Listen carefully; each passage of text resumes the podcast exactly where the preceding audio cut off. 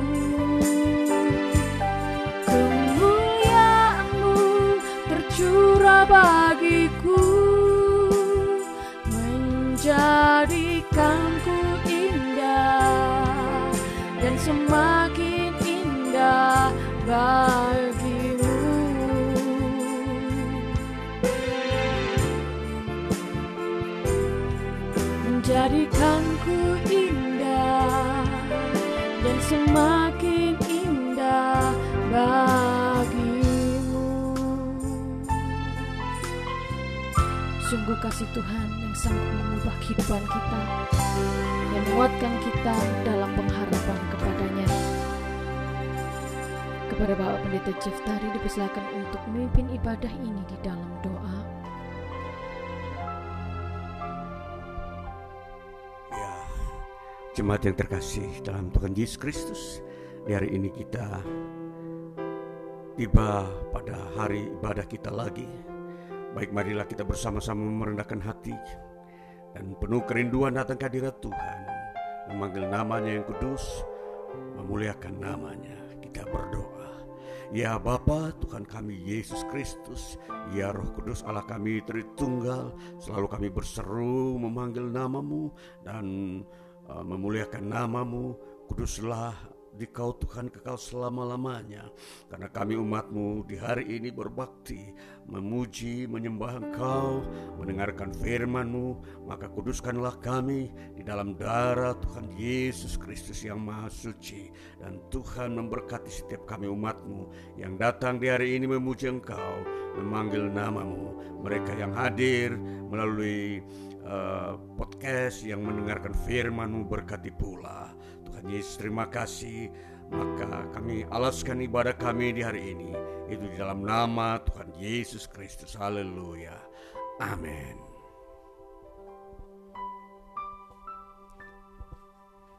Hari berganti hari kita menjalani hidup ini yang menjadi kekuatan bagi kita bahwa Tuhan Yesus yang menolong kehidupan kita dia yang telah menebus dosa kita itu yang terpenting sehingga kita mendapatkan pengampunan bahkan tentang hal kekekalan yang akan kita terima.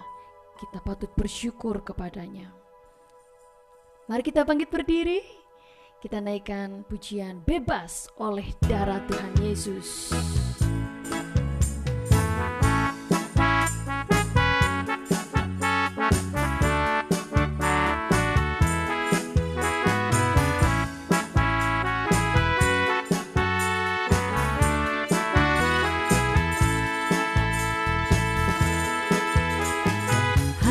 Berganti hari di dalam hidupku. Ingin selalu bernyanyi memuji namanya.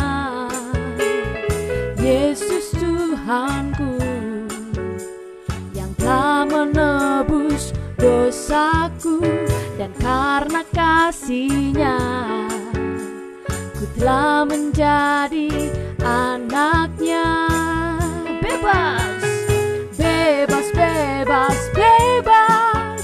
Oleh darah Tuhan Yesus. Oh bebas bebas bebas. Sekarang dan selamanya. Amin. Kita naikkan pujian sekali lagi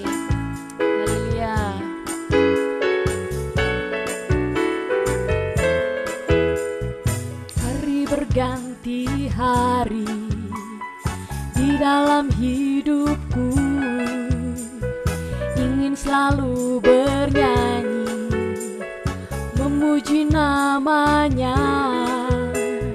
Yesus Tuhanku yang telah menebus dosaku.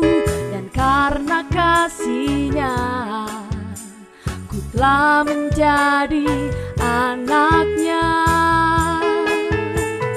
Bebas, bebas, bebas Oleh darah Tuhan Yesus. Oh bebas, bebas, bebas Sekarang dan selamanya Sungguh bebas. Bebas, bebas, bebas Oleh darah Tuhan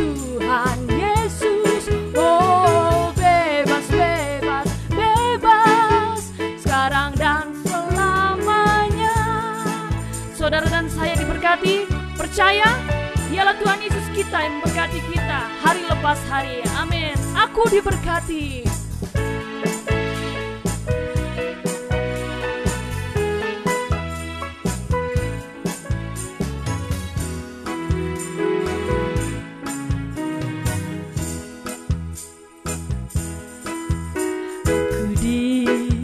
Diberkati.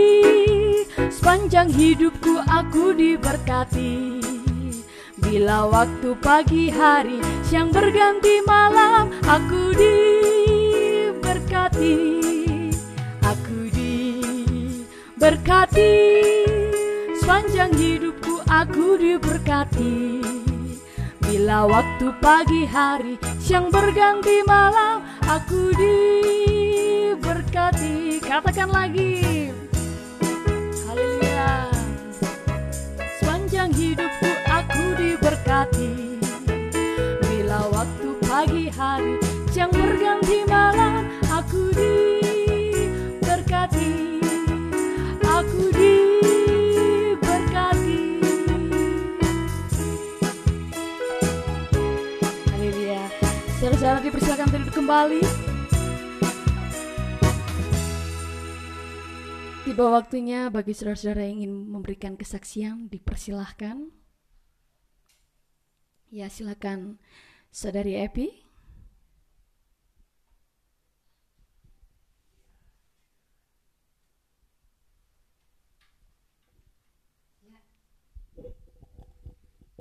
Terima kasih. Puji nama Tuhan, selamat hari Minggu Bapak Ibu Saudara sekalian. Luar biasa, hari ini begitu indah ya. Amin, iya. uh, pada kesempatan uh, hari ini saya ingin menyaksikan penyertaan Tuhan dalam masa studi saya. Jadi tepatnya pada tanggal 11 Juli kemarin saya melaksanakan sidang akhir atau seminar komprehensif um, di mana itu adalah tahap penentuan akhir saya menyelesaikan studi selama empat tahun ini. Puji nama Tuhan, uh, saya bisa menyelesaikan ujian tersebut dengan baik dan tentunya untuk nilai pun juga cukup baik. Dan ini saya uh, menjadi eh, motivasi atau semangat buat saya untuk lebih lagi berkarya terutama dalam uh, bidang digitalnya. Jadi dia uh, jadi saya bergerak di dalam dunia desain dan memang untuk jurusan ini pun uh, perlu pergumulan yang luar biasa saya uh, perkarakan sama Tuhan gitu. Jadi saya tidak mau salah ambil jurusan dan saya mau agar jurusan ini nanti Tuhan pakai ke depannya dan puji Tuhannya saya memang ke arah di, uh, desain ini, uh, desain komunikasi visual, dan saya percaya Tuhan akan memakai uh, skill atau talenta yang Tuhan asah dalam diri saya untuk kemuliaannya.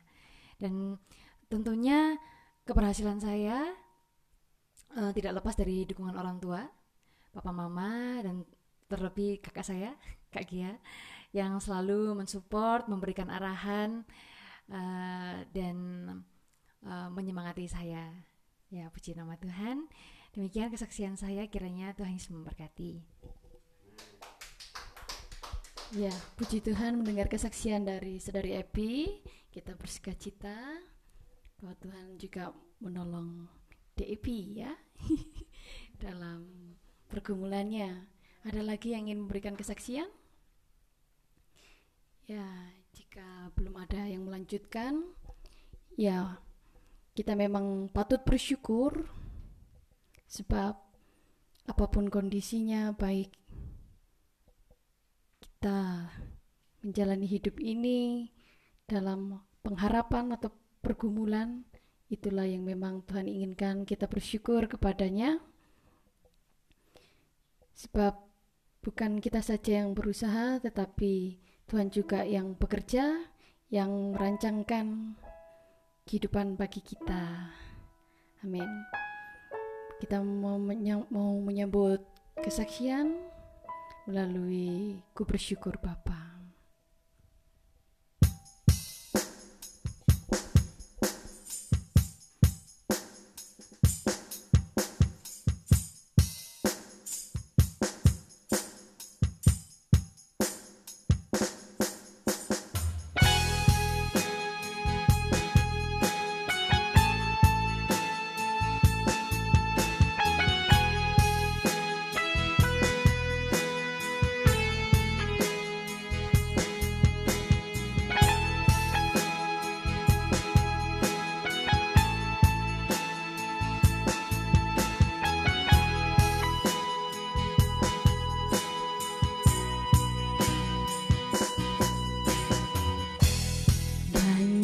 Yang kau perbuat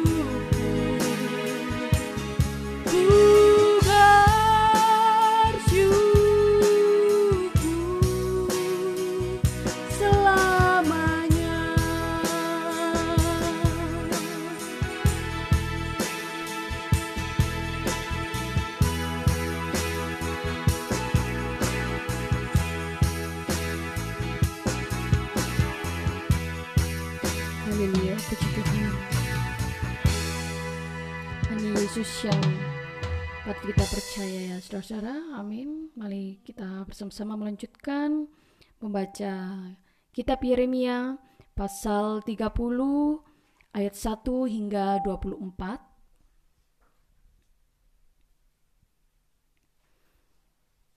Mari kita buka Yeremia 30 ayat 1 hingga 24. Kita baca bersama-sama 1 2 3. Janji pemulihan Israel. Firman yang datang dari Tuhan kepada Yeremia bunyinya, Beginilah firman Tuhan Allah Israel, tuliskanlah segala perkataan yang telah kufirmankan kepadamu itu dalam suatu kitab.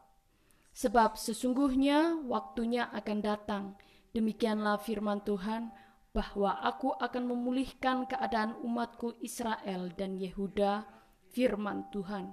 Dan aku akan mengembalikan mereka ke negeri yang telah kuberikan kepada nenek moyang mereka, dan mereka akan memilikinya.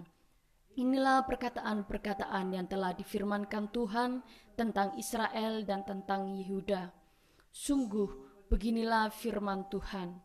Telah kami dengar jerit kegentaran, kedahsyatan, dan tidak ada damai. Cobalah tanyakan dan selidiki, adakah laki-laki melahirkan? Mengapakah setiap laki-laki kulihat tangannya pada pinggangnya seperti seorang perempuan yang melahirkan? Mengapakah setiap muka berubah menjadi pucat? Hai, alangkah hebatnya hari itu, tidak ada taranya Itulah waktu kesusahan bagi Yakub, tetapi ia akan diselamatkan daripadanya. Maka pada hari itu, demikianlah firman Tuhan semesta alam, aku akan mematahkan kuk dari tengkuk mereka dan memutuskan tali-tali pengikat mereka, dan mereka tidak akan mengabdi lagi kepada orang-orang asing. Mereka akan mengabdi kepada Tuhan Allah mereka dan kepada Daud, raja mereka, yang akan kubangkitkan bagi mereka. Maka engkau janganlah takut, hai hambaku Yakub, demikianlah firman Tuhan, janganlah gentar, hai Israel. Sebab sesungguhnya aku menyelamatkan engkau dari tempat jauh dan keturunanmu dari negeri pembuangan mereka. Yakub akan kembali dan hidup tenang dan aman dengan tidak ada yang mengejutkan Sebab aku menyertai engkau, demikianlah firman Tuhan, untuk menyelamatkan engkau. Segala bangsa yang ke antaranya engkau kuserahkan akan kuhabiskan, tetapi engkau ini tidak akan kuhabiskan. Aku akan menghajar engkau menurut hukum, tetapi aku sama sekali tidak memandang engkau tak bersalah. Sungguh beginilah firman Tuhan, penyakitmu sangat payah, lukamu tidak tersembuhkan, tidak ada yang membela hakmu, tidak ada obat untuk bisul, kesembuhan tidak ada bagimu. Semua kekasihmu melupakan engkau, mereka tidak menanyakan engkau lagi. Sungguh, aku telah memukul engkau dengan pukulan musuh, dengan hajaran yang bengis, karena kesalahanmu banyak, dosamu berjumlah besar.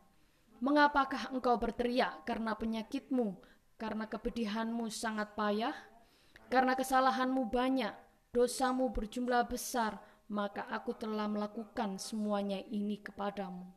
Tetapi semua orang yang menelan engkau akan tertelan, dan semua lawanmu akan masuk ke dalam tawanan. Orang-orang yang merampok engkau akan menjadi rampokan, dan semua orang yang menjarah engkau akan kubuat menjadi jarahan. Sebab aku akan mendatangkan kesembuhan bagimu, Aku akan mengobati luka-lukamu, demikianlah firman Tuhan.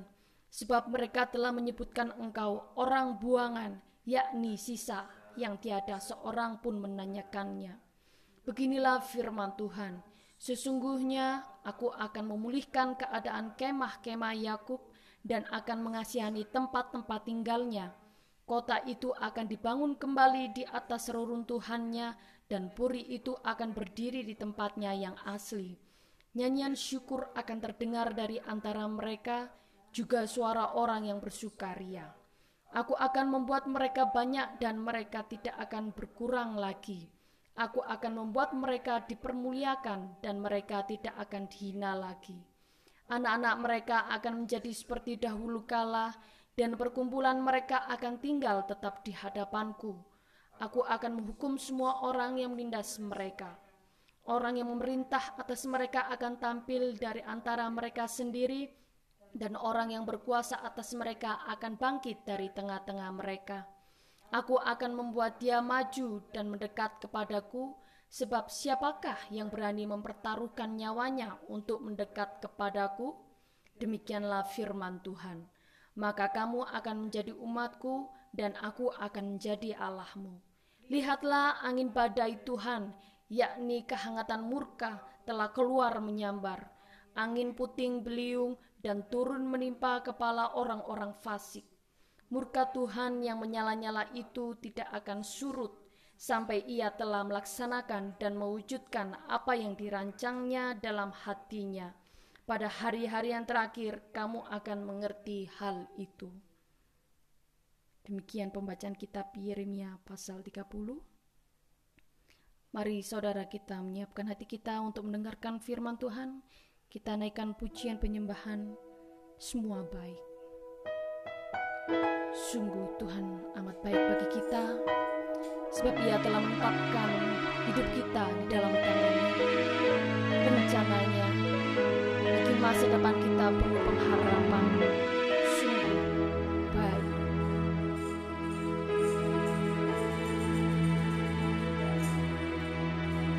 Dari semula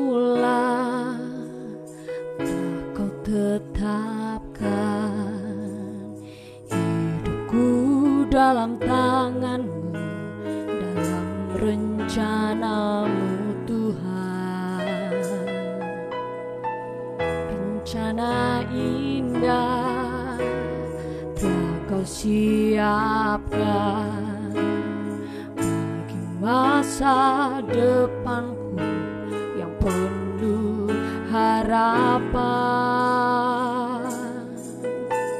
Semua baik semua baik.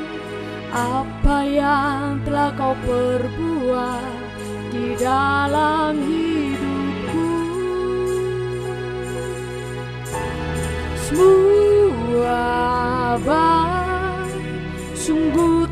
teramat baik kau jadikan hidupku berarti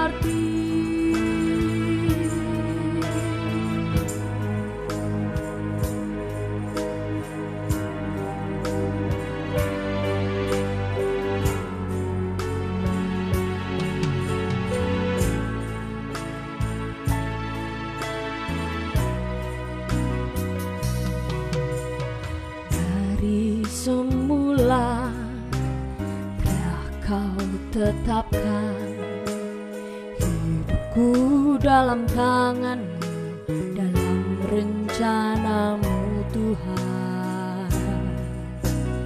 Rencana indah telah kau siapkan bagi masa depanku yang penuh harapan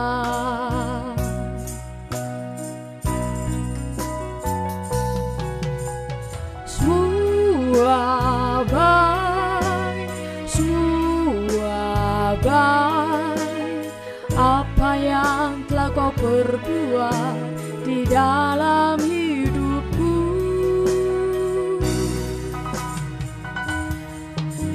Semua baik sungguh teramat baik. Kau jadikan hidupku berarti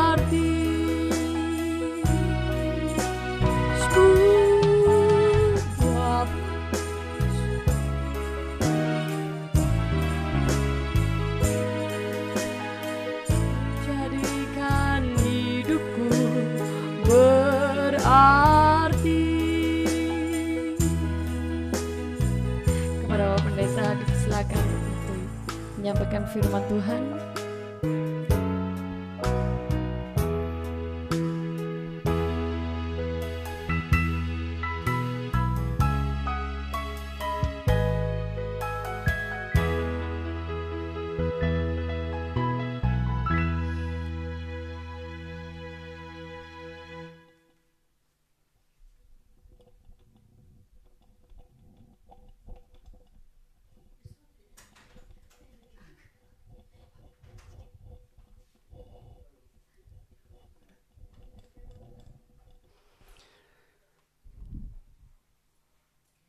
Hari ini kita akan mendengarkan firman Tuhan.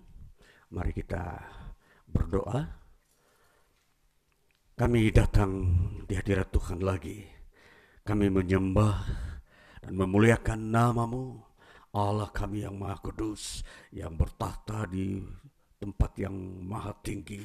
Di dalam kekekalanmu kami datang dan menyembah. Kami duduk di bawah kaki Tuhan bahwa Tuhanlah yang maha mulia yang ada di dalam hidup kami ini. Kami bersuka cita karena firman-Mu ada di tengah kami. Tuhan hadir di tengah kami sebagai kepala, sebagai Tuhan kami yang memberkati, yang menguduskan hidup kami. Maka hari ini kami berbahagia, kami mendapatkan anugerah daripadamu untuk mendengarkan firman-Mu, untuk diberkati hidup kami, untuk dibaharui, untuk dibangun kehidupan kami, dibangun di dalam kebenaran, dibangun di dalam hikmat Tuhan. Maka hari ini pertolongan roh kudus ada di tengah kami untuk mengerjakan kehendak-Mu Bapa Tuhan kami Yesus Kristus di, di tempat ini ini di mana kami sedang mendengarkan firman-Mu. Berbicaralah dan berkatilah kami. Di dalam nama Tuhan Yesus Kristus kami berdoa dan bersyukur. Haleluya. Amin. Ya, saudara-saudaraku yang terkasih, jemaat Tuhan, umat Tuhan di tempat ini yang beribadah pada Tuhan Yesus Kristus dan setiap umat Tuhan di berbagai tempat yang ikut mendengarkan pemberitaan firman Tuhan melalui podcast maupun YouTube atau Anchor di sini uh, firman Tuhan akan kami beritakan dan ajarkan yang terambil dari kitab 1 Korintus kitab 1 Korintus pasal yang ketiga ayat yang ke-10 hingga ayat 15 nanti uh, disambung dengan Injil Matius pasal pasal 19 ayat 27 hingga 30. Saya baca bagian pertama dulu. Dasar dan bangunan. Sesuai dengan kasih karunia Allah yang dianugerahkan kepadaku, aku sebagai seorang, seorang ahli bangunan yang cakap telah meletakkan dasar dan orang lain membangun terus di atasnya. Tetapi tiap-tiap orang harus memperhatikan bagaimana ia harus membangun di atasnya. Karena tidak ada seorang pun yang dapat meletakkan dasar lain daripada dasar yang telah diletakkan, yaitu Yesus Kristus. Entahkah orang membangun di atas dasar ini dengan emas, perak, batu permata, kayu, rumput kering, atau jerami. Sekali kelak pekerjaan masing-masing orang akan nampak karena hari Tuhan akan menyatakannya. Sebab ia akan nampak dengan api dan bagaimana pekerjaan masing-masing orang akan diuji oleh api itu. Jika pekerjaan dibangun, seseorang tahan uji, ia akan mendapat upah.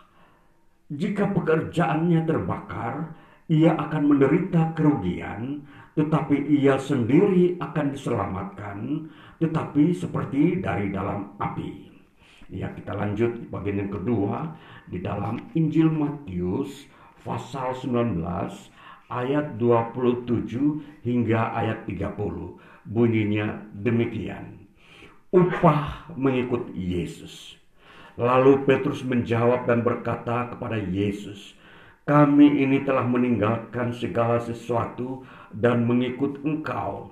Jadi apakah yang akan kami peroleh?"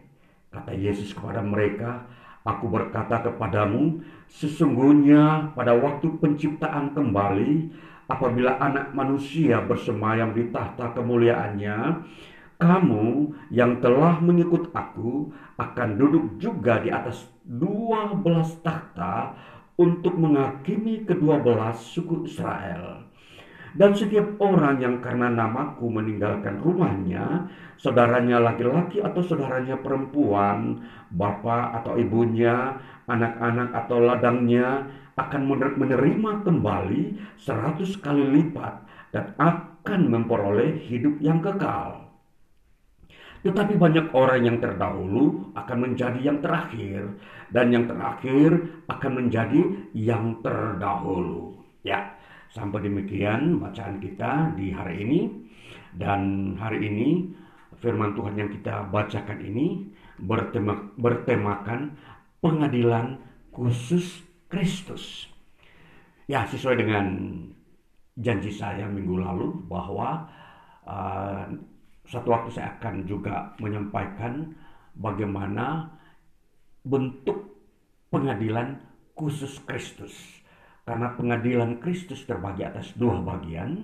Yang pertama pengadilan umum dan yang kedua pengadilan khusus. Yang tentunya pengadilan umum telah diuraikan minggu lalu dan minggu ini kita akan mau uh, melihat kedalamannya, penguraian bagaimana pengadilan khusus Kristus itu berlangsung. Ya, saudaraku, ya apa yang kita mau mengerti dan melihat pengertian tentang pengadilan khusus Kristus. Ya, pengadilan khusus Kristus artinya pengadilan yang dilakukan oleh Kristus terhadap umatnya. Ya, jadi pengadilan ini bukan dalam bentuk menjatuhi hukuman untuk dimasukkan ke dalam neraka, bukan. Tetapi pengadilan ini bagaimana Kristus Yesus membagi uh, upah atau memberikan uh, hadiah-hadiah. Ya, kalau kita sudah mengerti upah, pasti kita mengerti di dalamnya bisa saja bentuk hadiah.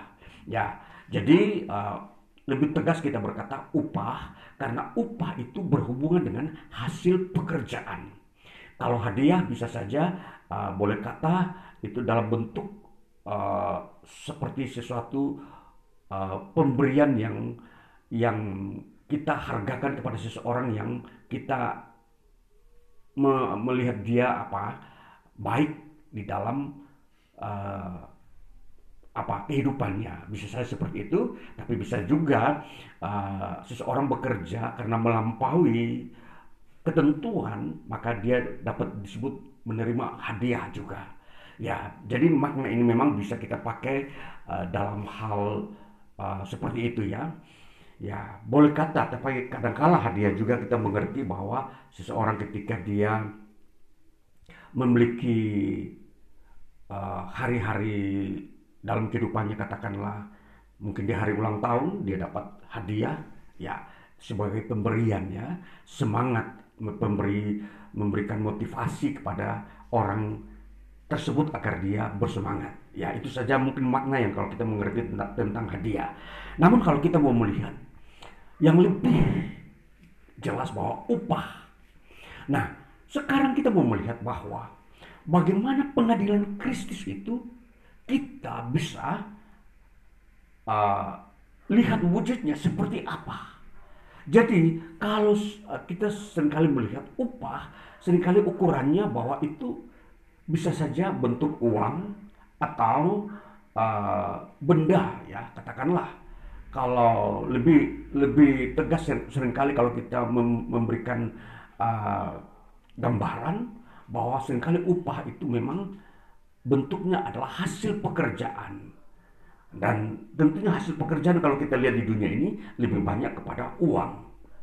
Ya, namun kalau upah yang Kristus beri bukan seperti yang kita dapatkan di bumi ini seperti uang atau benda. Ya, itulah sebabnya mari kita mengerti upah yang akan Kristus berikan kepada orang-orang percaya.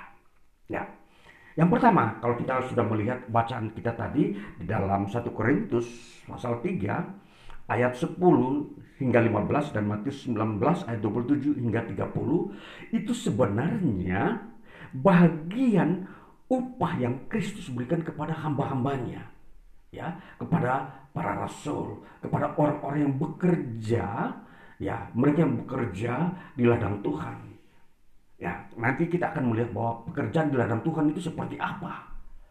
Ialah mereka mengajarkan hukum-hukum Tuhan, kebenaran-kebenaran yang Tuhan uh, ajarkan atau firmankan, lalu mereka yang menge, mengajarkannya. Nah, ini satu sisi uh, bekerja di ladang Tuhan. Ya, uh, di dalam mengajarkan kebenaran-kebenaran firman Tuhan, hukum-hukum Tuhan, atau uh, katakanlah wahyu yang Tuhan firmankan untuk disampaikan kepada umatnya perlu ada orang yang mengerjakannya, menyampaikannya. Maka mereka itu disebut utusan-utusan Allah, utusan-utusan Kristus atau murid-murid Kristus. Ya, mereka inilah yang mengerjakannya.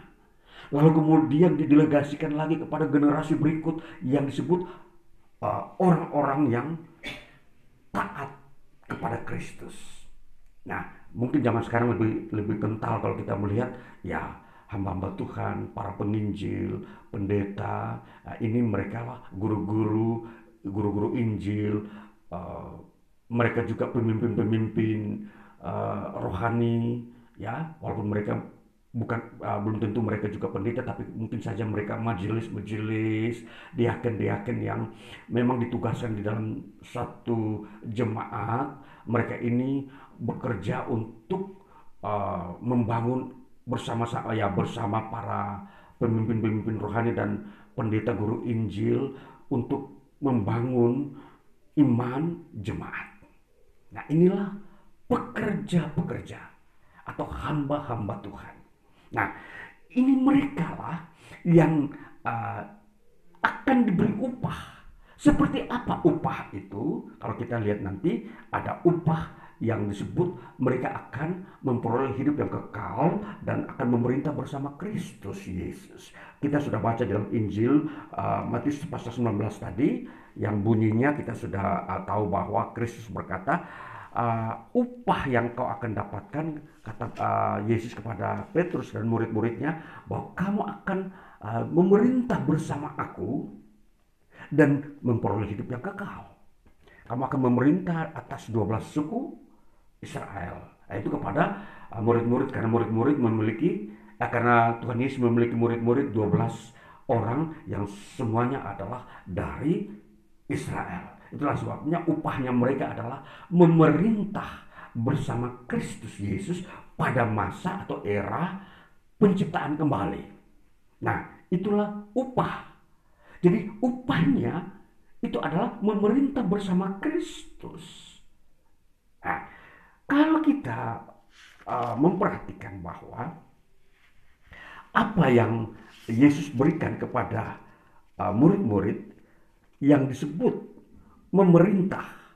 Di sini uh, dikatakan bahwa memerintah itu yaitu mereka akan uh, mengatur ya atau dipercayai oleh Kristus untuk uh, mengatur orang-orang percaya 12 suku ini khususnya. Jadi mengatur itu artinya uh, menuntun agar mereka juga hidup di dalam suatu kerajaan Allah yang di situ memang uh, ketentuan-ketentuan hukum-hukumnya sudah uh, ditetapkan oleh Allah sendiri. Maka mereka inilah yang mengatur 12 suku ini. Ya, jadi upahnya itu. Nah, jadi kalau yang disebut mengatur itu adalah sebuah tempat terhormat, jabatan-jabatan yang Allah berikan atau Kristus berikan kepada mereka. Ya, Kristus berikan, kamu akan mendapatkan itu. Sama seperti aku juga mengatur uh, umat manusia di muka bumi.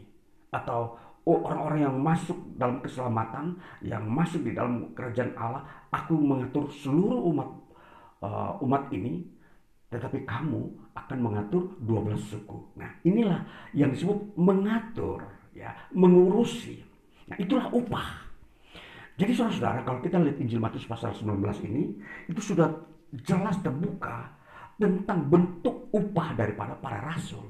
Ya, bagaimana hamba-hamba Tuhan yang lain, pendeta, sama halnya mereka di mana mereka uh, menggembalakan sebuah jemaat, mereka itulah akan dipercayakan mengembalakan jemaat yang memang uh, telah dipercayakan oleh Tuhan.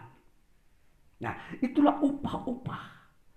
Misalkan ada orang tampil uh, diberi karunia, dia melayani 100 orang dan dia dapat menyelesaikan pelayanan itu secara baik 100 orang, maka upahnya juga akan uh, diberlakukan kepada 100 orang upahnya.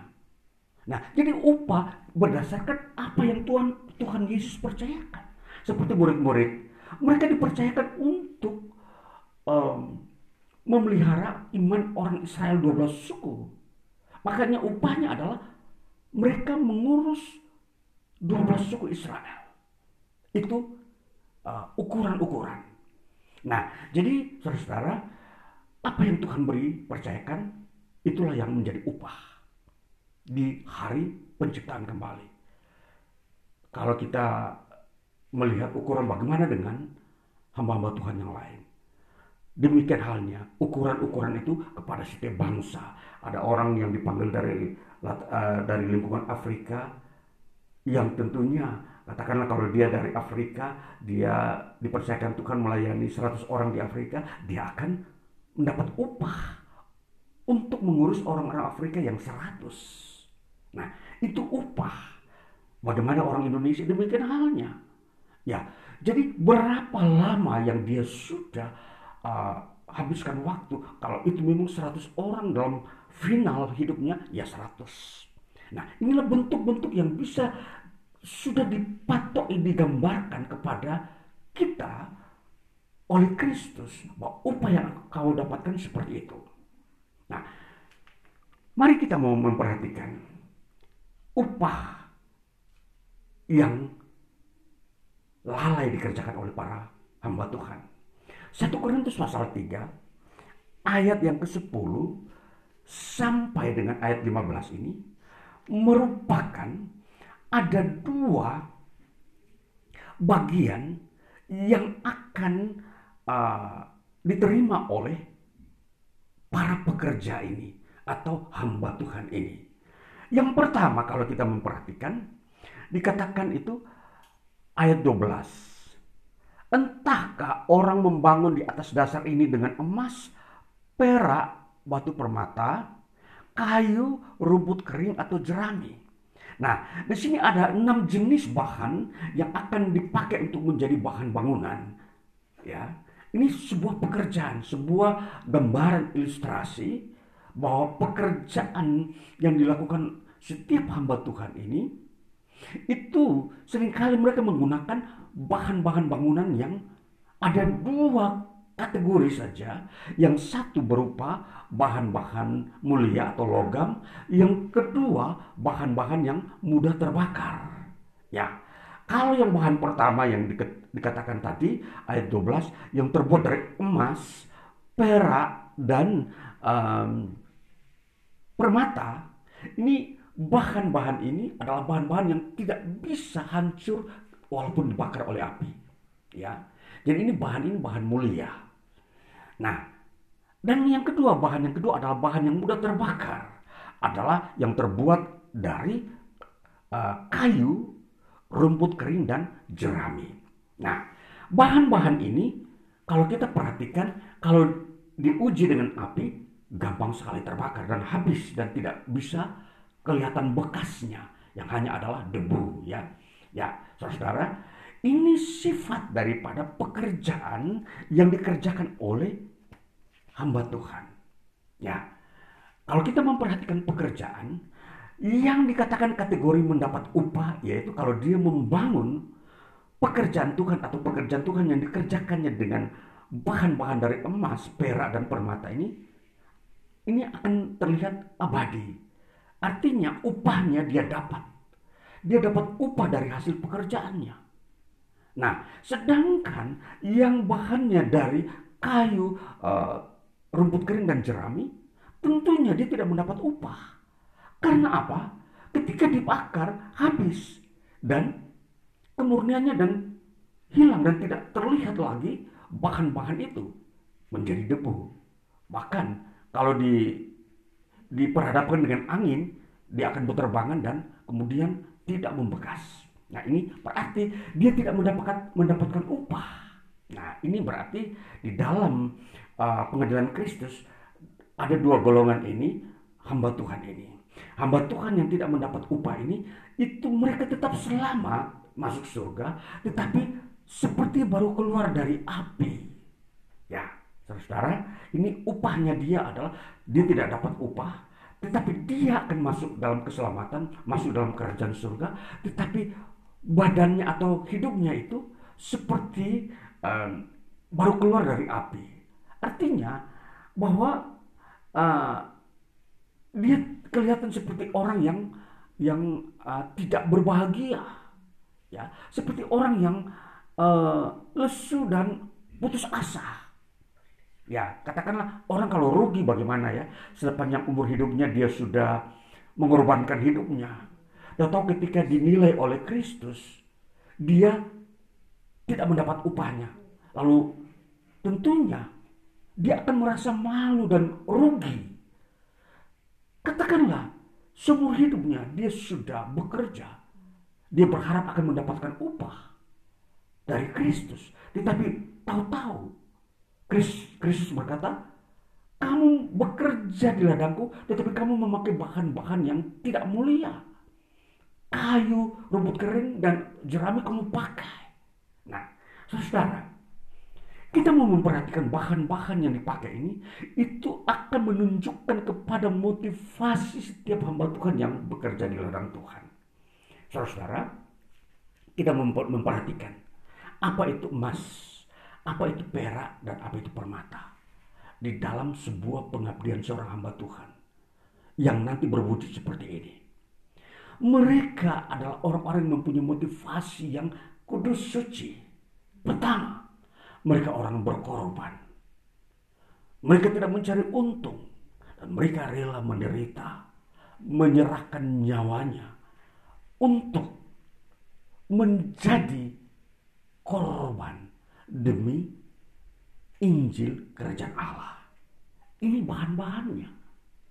Ini bahan ini walaupun dibakar, dia tidak hangus. Itulah sebabnya di mata Kristus orang yang mengerjakan pekerjaan Tuhan dengan motivasi seperti ini itu mulia. Bagaikan emas, perak, dan batu permata. Saudara, mari kita mau memperhatikan bagaimana Kristus memberikan upah dalam pengadilannya dia, penghakimannya dia. Ini kita harus perhatikan. Bahwa kalau kita mau menjadi hamba Tuhan, kita harus memperhatikan fokus-fokus ini barang-barang mulia ini. Ya tentunya kalau kita perhatikan apa yang Kristus lakukan di kayu salib itu sifatnya berkorban. Dia menderita. Ini mulia. Dan dia tidak mencari untung.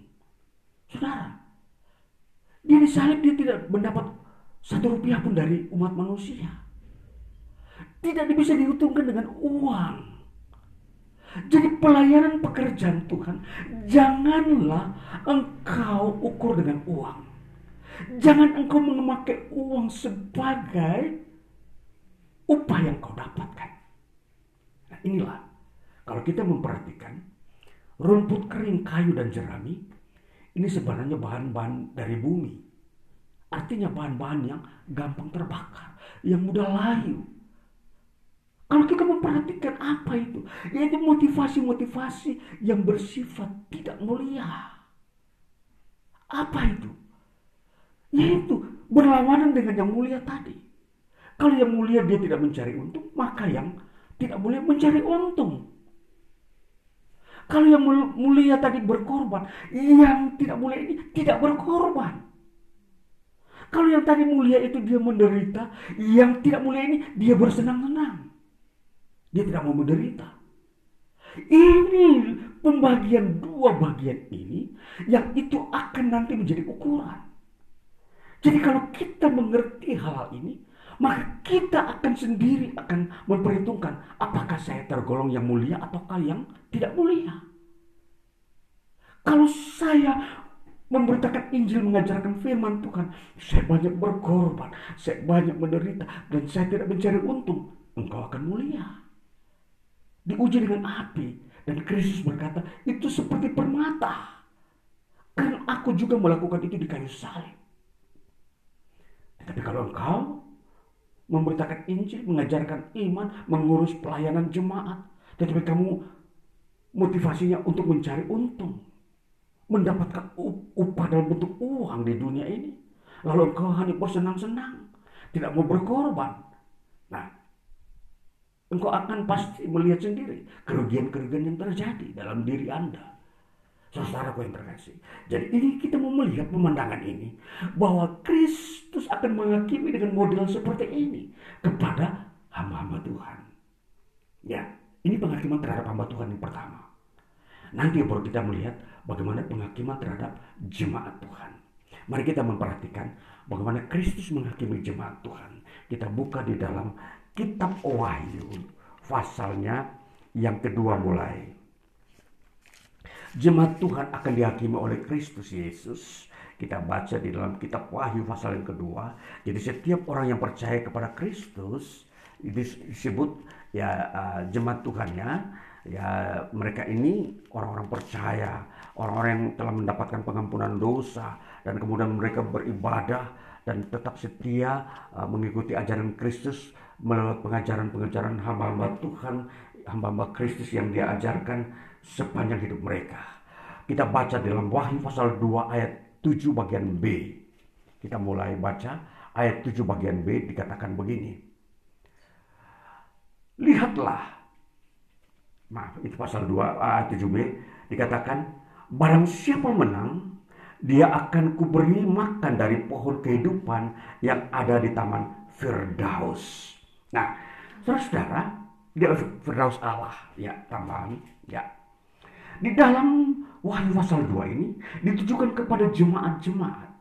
Dikatakan pada uh, ayat sebelumnya pasal 1 ayatnya kita melihat pada ayatnya yang uh, 20 dikatakan dan rahasia ketujuh bintang yang telah kau lihat pada tangan kananku dan ketujuh kaki dian emas itu ketujuh bintang itu ialah malaikat ketujuh jemaat dan ketujuh kaki dian itu ialah ketujuh jemaat Nah, ini kepada jemaat-jemaat yang berada di Asia Kecil pada saat itu ya.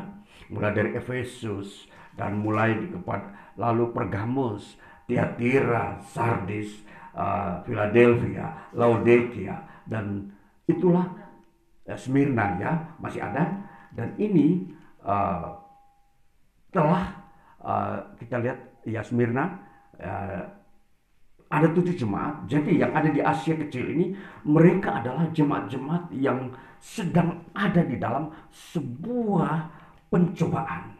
Ya. Jadi setiap jemaat akan mengalami pencobaan. Ya, kalau kita memperhatikan bagaimana Kristus memberi upah kepada jemaat, yaitu lewat apa? Lewat sebuah pencobaan. Jadi pencobaan itu pasti akan dialami oleh setiap jemaat. Jadi kalau kita mau menjadi jemaat Kristus, kita harus sadar bahwa pencobaan itu pasti akan kita alami. Karena di sinilah akan menjadi uh, bagian untuk jemaat akan mendapat upah. Pencobaan apa yang dialami di sini ialah bagaimana imanmu tetap kepada Kristus ketika kamu dicobai. Kamu yang sudah mendengar ajaran-ajaran Kristus yang disampaikan oleh para hamba Tuhan rasul-rasul. Bagaimana kamu tetap bertahan di dalam ajaran itu. Bagaimana kamu tetap percaya kepada Kristus ketika kamu mengalami pencobaan. Inilah di sinilah menjadi ukuran untuk Kristus memberi upah kepada jemaat. Dikatakan kalau kamu menang, ayat yang ke-7b tadi, barang siapa menang, dia akan kuberi makan dari pohon kehidupan yang ada di Taman Firdaus Allah. Ini menang seperti apa? Artinya ketika kamu dicobai, ya, kamu tidak luntur, tidak lemah, kamu tidak kalah, tetapi kamu menang. Kamu dapat mengalahkan pencobaan itu. Kita mau melihat pencobaan seperti apa yang bisa kita ketahui sehingga kita bisa mengukur kemenangan-kemenangan itu bisa tercapai. Saudara-saudara, di dalam pencobaan yang kita lihat di sini, di dalam Efesus pasal 2 contoh, di sini ada beberapa ajaran sesat yang masuk. Seperti ajaran Nikolaus pada ayat yang ke-6. Tetapi ini yang ada padamu yaitu engkau membenci segala perbuatan pengikut-pengikut Nikolaus yang juga kubenci. Nah, jadi jemaat Efesus ini telah menang terhadap sebuah ajaran sesat yang diajarkan oleh Nikolaus. Apa yang diajarkan oleh Nikolaus? Nikolaus mengajarkan bagaimana penyembahan berhala.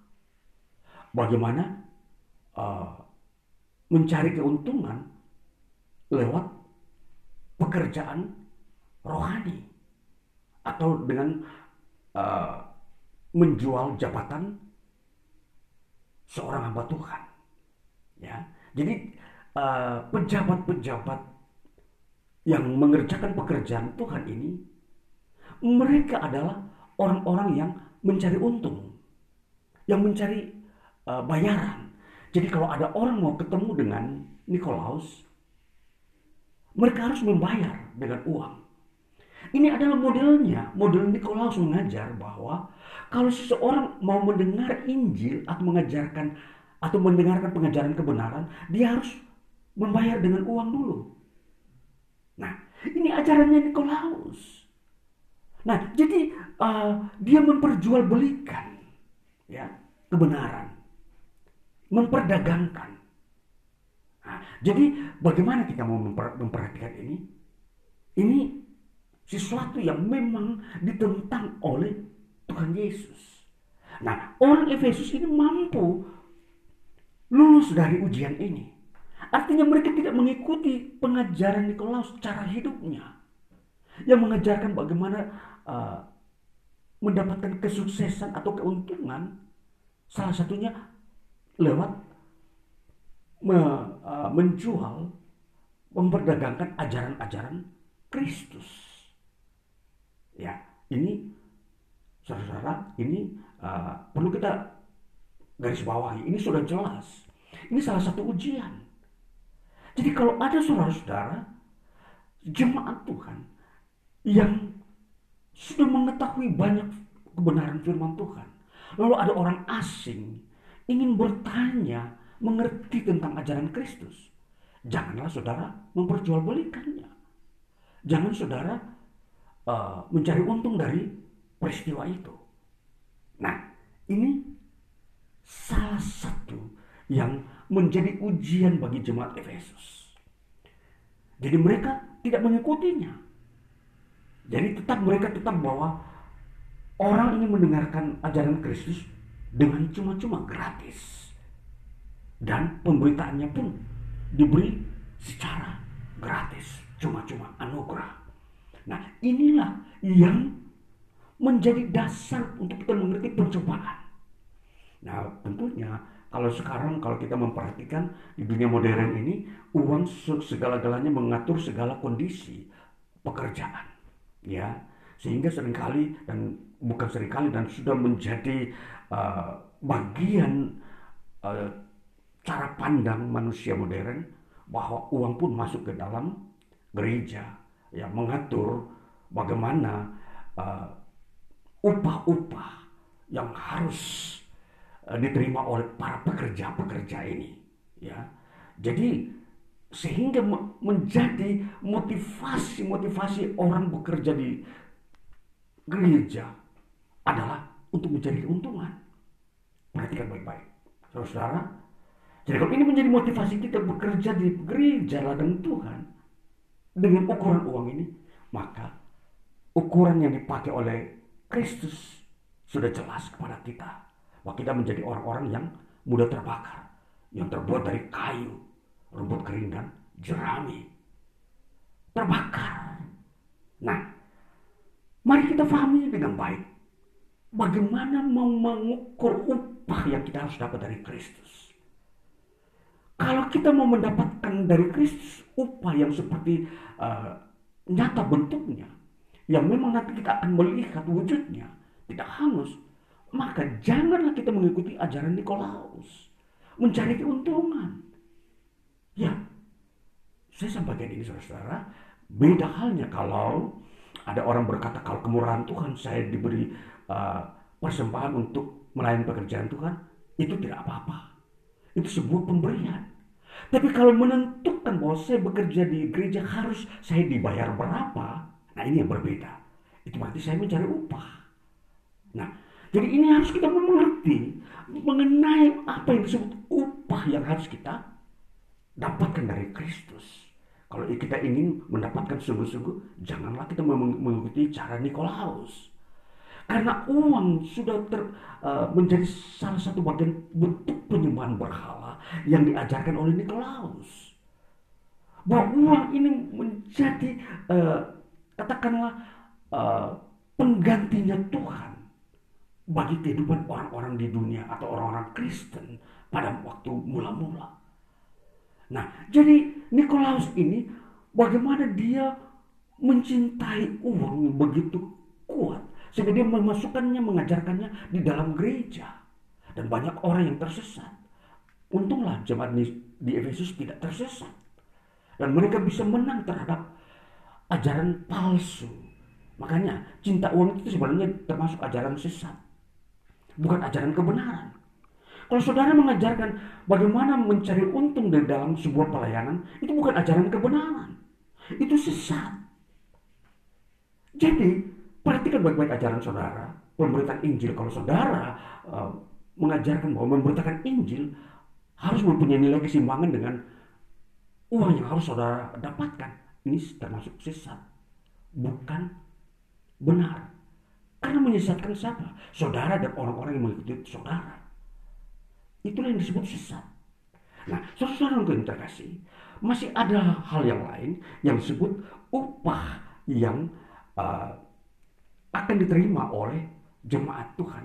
Ialah mereka akan makan dari pohon kehidupan setelah menang dari ujian tadi. Itu upahnya. Pohon kehidupan adalah pohon yang tidak dimakan oleh Adam dan Hawa pada saat waktu mereka di Taman Eden.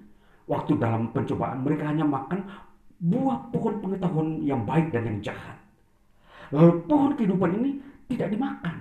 Karena Tuhan tuh sudah memagari pohon ini dan di situ para malaikat sedang menjaganya agar tidak dimakan oleh Adam dan Hawa.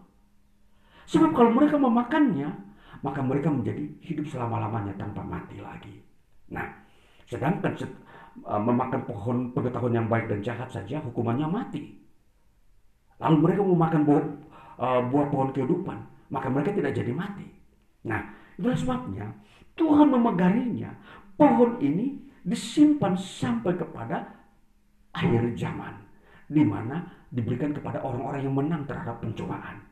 Nah, kalau kita melihat hubungan antara kitab kejadian dengan kitab Wahyu pasal 2 ini pencobaannya begitu erat sekali. Di Taman Eden ada berhubungan dengan makan. Di sini pun berhubungan dengan uang yang disebut makan. Di mana orang akan menjadikan uang sebagai uh, sebuah kerajaan yang membuat dia seolah-olah bahagia di dunia ini. Nah inilah bagaimana ada relevansinya, ada hubungan sebab akibatnya. Bagaimana kita melihat peristiwa Adam dan Hawa dengan peristiwa di mana jemaat Efesus mengalami pencobaan. Nah, kalau kita melihat berikutnya di dalam ayat 10b, pasal yang kedua, ayat 10b dikatakan begini. Dan aku akan mengaruniakan kepadamu mahkota kehidupan ketika kamu menang terhadap pencobaan sekalipun kamu dipenjarakan. Dikatakan pada uh, bagian ayat ini uh, di mana jemaat Smyrna mengalami pencobaan, mereka waktu percaya kepada Kristus, mereka pun di, dipenjarakan, mereka pun dianiaya, mereka mampu tetap bertahan dalam iman, percaya kepada Kristus. Dan itu sebabnya mereka diberi upah mahkota kehidupan. Saudara, kalau kita memperhatikan uh, jemaat jemaat orang percaya ini, bagaimana mendapatkan mahkota kehidupan itu. Kita mem memperhatikan bahwa mahkota itu sendiri, kalau kita uh, mengerti dalam bahasa Yunani dikatakan Stepanos. Stepanos itu adalah artinya mahkota. Dan kalau di, diwujudkan, mahkota itu di situ dikenakan di kepala. Dan di situ dikatakan sebagai prestasi. Apa artinya prestasi? Seseorang yang sukses bekerja keras dan sehingga dia mencapai uh, target yang sesuai yang dikendaki dalam kebenaran itu. Nah, jadi inilah disebut mahkota kehidupan. Dan mahkota dikenakan di mana di, ke, di kepala. Dan tentunya semua orang bisa melihat. Jadi jemaat-jemaat yang teguh imannya ketika mengalami pencobaan akan menerima upah mahkota. Bentuknya ya, mahkota ya. Tentunya bukan bentuk uh, seperti benda-benda, tapi itu sebuah, sebuah penghargaan atau penghormatan atau sebuah kemuliaan.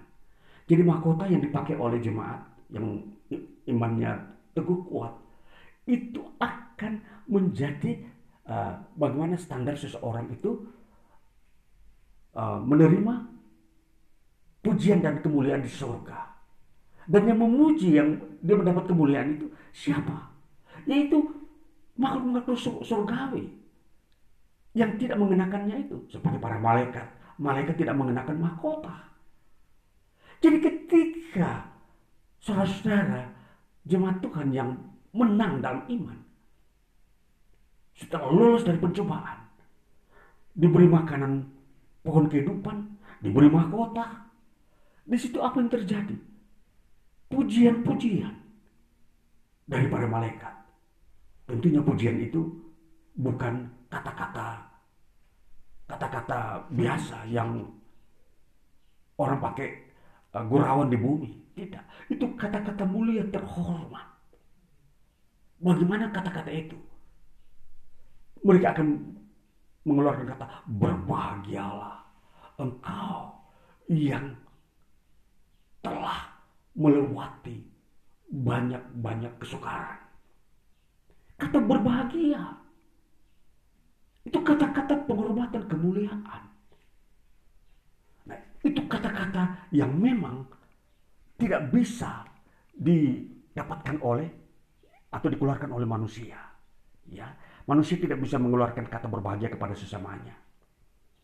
Ya, hanya para malaikat, para uh, makhluk surgawi yang memang menilai kehidupan kita manusia sehingga dia melihat itu adalah sesuatu yang uh, mengharukan, yang begitu cemerlang. Jadi kata itu keluar sesuai dengan apa yang ada pada jemaat Tuhan. Berbahagia. Nah saudara-saudaraku, selain itu mari kita memperhatikan apa yang berikutnya di dalam upah kepada jemaat Tuhan ada masih ada seterusnya. Masih ada upah yang berikutnya. Kita baca ayat 17b. Dikatakan barang siapa menang kepadanya akan kuberikan dari mana yang tersembunyi. Dan aku akan mengaruniakan kepadanya batu putih yang di atasnya tertulis nama baru. Yang di, tidak diketahui oleh siapa pun selain oleh yang menerimanya. Batu putih. Apa itu batu putih? Nah, Saudara, kalau batu putih di dalam penggunaan bahasa Yunani, batu putih itu artinya psepos. Nah, psepos ini kalau diartikan itu batu itu diambil dari kali. Batu kali dan tentunya batu kali di kalau kita lihat di negara-negara di uh, di khususnya di Israel, kali itu terdiri dari batu-batu kerikil atau batu-batu kecil di situ terdiri dari dua jenis batu, yang hitam dan yang putih. Nah, batu-batu ini kalau diambil dari kali atau sungai-sungai di Israel, itu digunakan untuk memberi penilaian. Ya, orang-orang di sana itu kalau memberikan sebuah penilaian, itu batu hitam itu berfungsi untuk mengatakan bahwa seseorang itu bersalah. Jadi kalau saudara, uh, ketika saudara berbuat sebuah kesalahan, maka yang diambil atau yang dikeluarkan dinampakkan kepada saudara adalah batu hitam.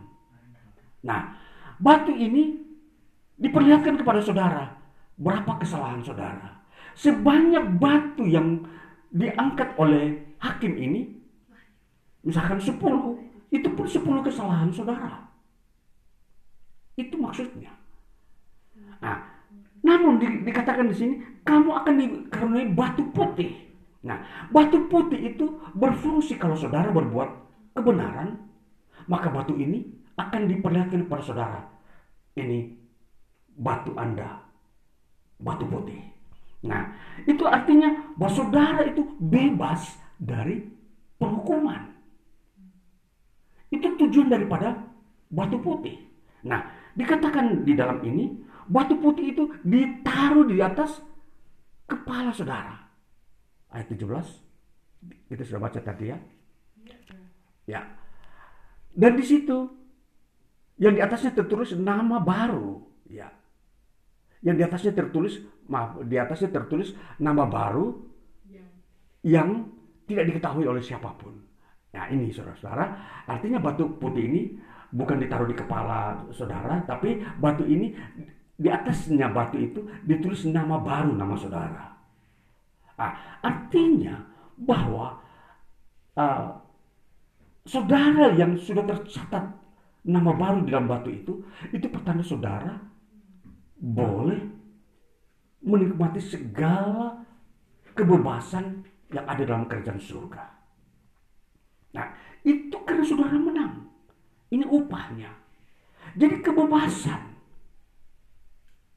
Apa yang terjadi dalam kerajaan surga? Saudara seperti memiliki itu kerajaan surga. Bebas. Jadi tidak ada batasan bagi saudara. Jangan saudara ke sana, itu bukan wilayah saudara. Jangan saudara ke sini, itu bukan hak saudara. Jangan saudara ke situ, itu punya orang lain. Kalau saudara menang, saudara memiliki kebebasan. Tidak ada batasan bagi saudara ketika masuk dalam kerjaan surga. Itu upah. Itu batu putih, saudara.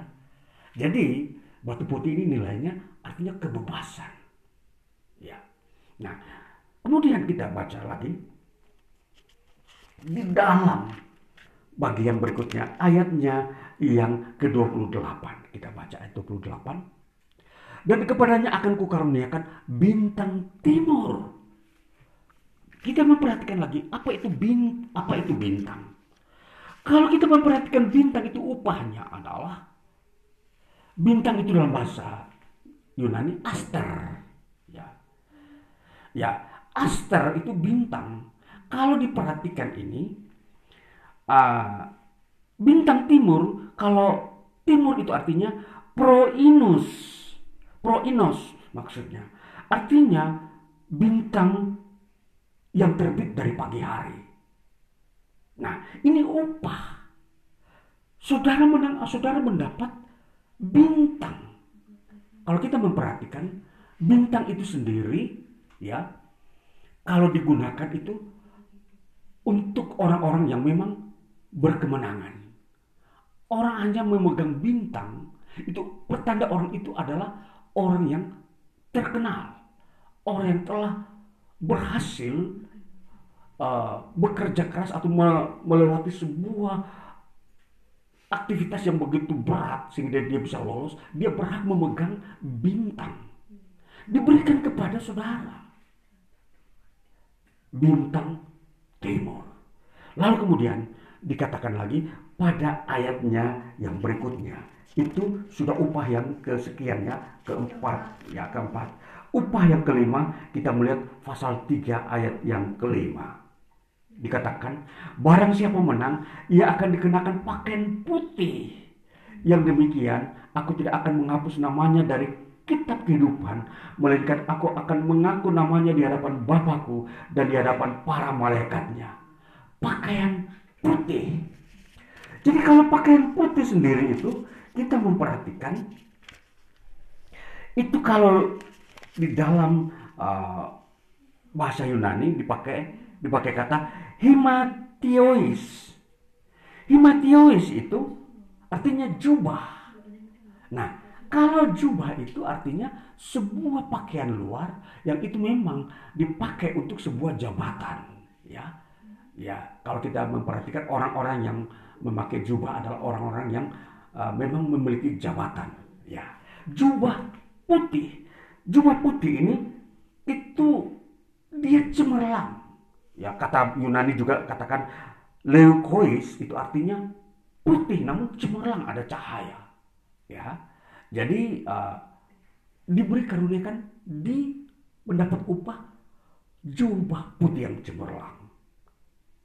Ini upah-upah. Jadi kalau kita melihat sudah yang kelima, mari kita melihat upah yang berikutnya di dalam pasal yang berikutnya uh, ayat pasal 3 ayat 12 dikatakan lagi Barang siapa menang ia akan kujadikan soko guru di dalam bait suci Allahku. Soko guru itu artinya tiang. Tiang artinya penyangga. Artinya juga apa? Dia uh, menjadi tolok ukur. Orang melihat kebenaran dari dia. Nah, ini sebuah panutan, sorotan. Jadi orang melihat ini upah-upah dari orang-orang yang menang. Ya, jadi uh, di sini orang-orang ini orang-orang yang terhormat. Soko guru itu tiang menjadi orang akan berpegangan di dalam uh, melihat kehidupan. Jadi dalam surga itu ada orang-orang yang menjadi panutan di, di, diperhatikan menjadi apa yang disebut uh, tadi yang disebut teladan. Orang menjadi kagum. Waduh, dia di bagian depan. Ya.